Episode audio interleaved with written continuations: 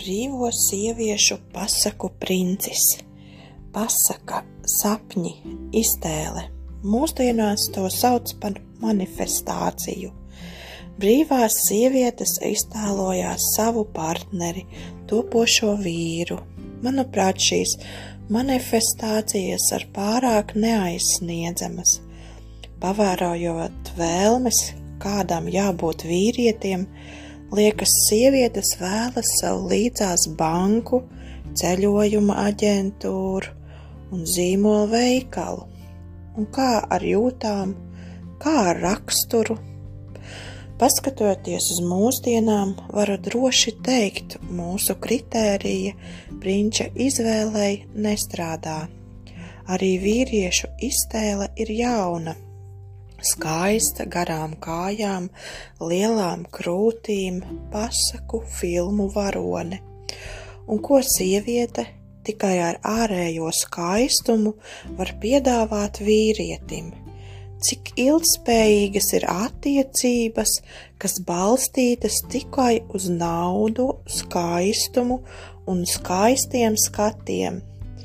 Kāpēc iedomu princi nevērtē citādi? Personīgi, kad es izvēlējos savu princi blakus visai dzīvei, mans sapņu tēls bija citāds - mūsdienu sieviešu vēlmēm. Pirmkārt, man vajadzēja pieklājību, vai viņš ir džentlmenis, attaisīs man durvis, pados roku, palīdzēs uzvelkt mēteli, vai viņam patīk bērni un kā viņš ar viņiem spēlējas, kā rūpējas, kāds raksturs, vai viņi, vai viņi kaitina viņu, vai uzstāvība un troksnis viņu iekšējo mieru padara nedrošu kā pret mani izturas draugu kompānijā, vai esmu svarīga un viņam rūp? Mana pašsajūta, vai spēj aizstāvēt mani no kāda no viņu uzmācīgiem draugiem, vai viņš prota gatavot ēst. Man no bērnības nav paticis gatavot ēst, un vienmēr, kad vecmāmiņa man prasīja, lai pagatavoju kaut ko, es vienmēr aizskrēju un teicu, man vīrs būs pavārs. Protams, tas nepiepildījās, bet viņš ļoti labi gatavo. Es varu gatavot ēst, taču tas nav mans hobijs. Nav bijusi patikt to darīt. Vai, vai mans iedomu princis ir strādīgs, hobiji, kopēji, sarunas, vai tās arī interesantas, vai spējam komunicēt pieklājīgi, vai mums ir tēmas, par ko runāt, attieksme pret mani viņa ģimenes lokā, romantika, mājas sadzīves lietas, kārtība un tīrība, vai nav nomētātas zeķes, vai, vai prot ieslēgt veļas mašīnu, vai kādreiz nomazgāt traukus.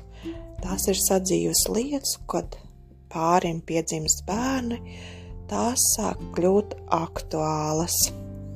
Kurā vietā viņam ir auto? Pirmajā vietā vai tomēr kaut kur nokļūšana no punkta A līdz punktam B?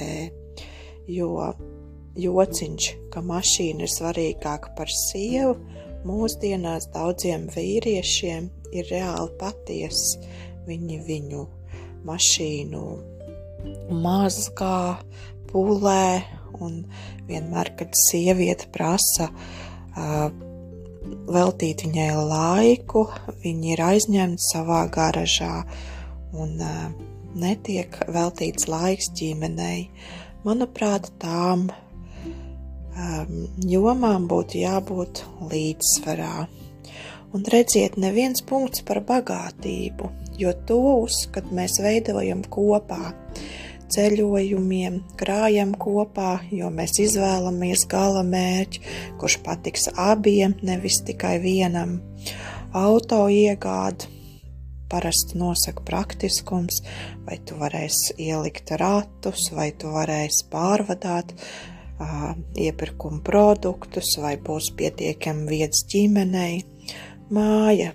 Tā vienmēr jāveido tā, lai tā būtu harmonija tev, lai tad, kad tu pēc grūtas darba dienas atnāktu mājās, tevi gaida un mīl, kad tu vari atpūsties pie TV vai, vai vienkārši paēst vakariņas harmoniskā gaisotnē, lai tev nebūtu tādas kā zobu sāpes, tad, kad tu ierodies mājās un, un tev gribās atkal doties prom.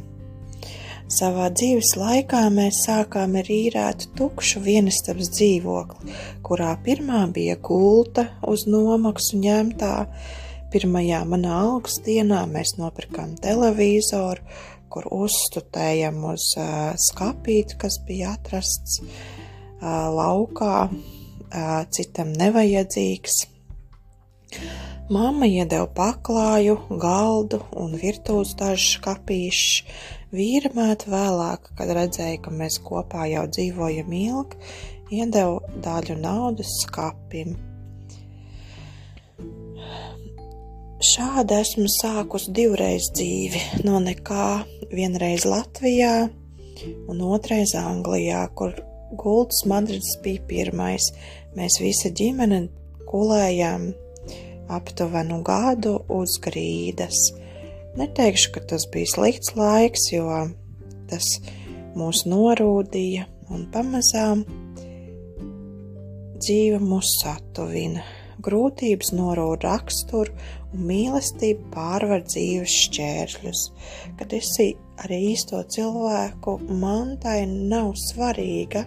Tu vienkārši baudi mīlestību, būt kopā, dali dzīvi. Vīrs vienmēr rūpējies par rēķiniem, bet es par lietām, kas vajadzīgas kopdzīvei - mēbeles, drēbes, neparedzēti tēriņi, iekrājumi, virtuves mazie sīkumi.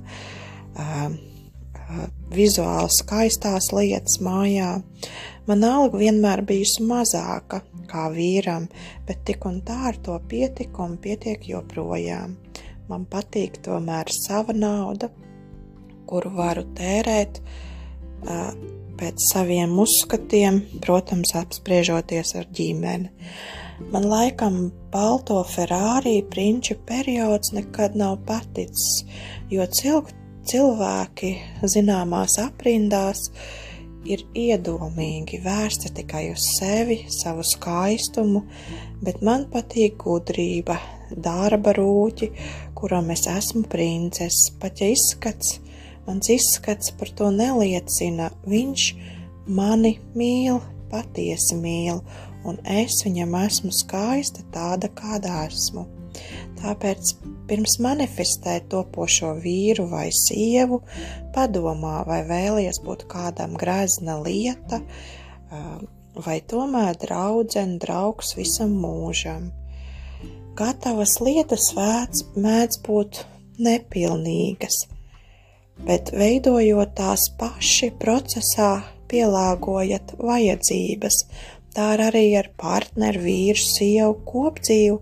Mēs pamazām veidojam paši un īstu bagātību arī, jo dažreiz esot greznību, greznībā jūties kā putns zelta būrī, nebrīve, bet skaisti skatam no malas, kā piekārta skaista zelta rāmīga glezna, kad jūties nesa iesprostots No graznās dzīves dvēselē rodas tukšums, tāds kā melnais caurums.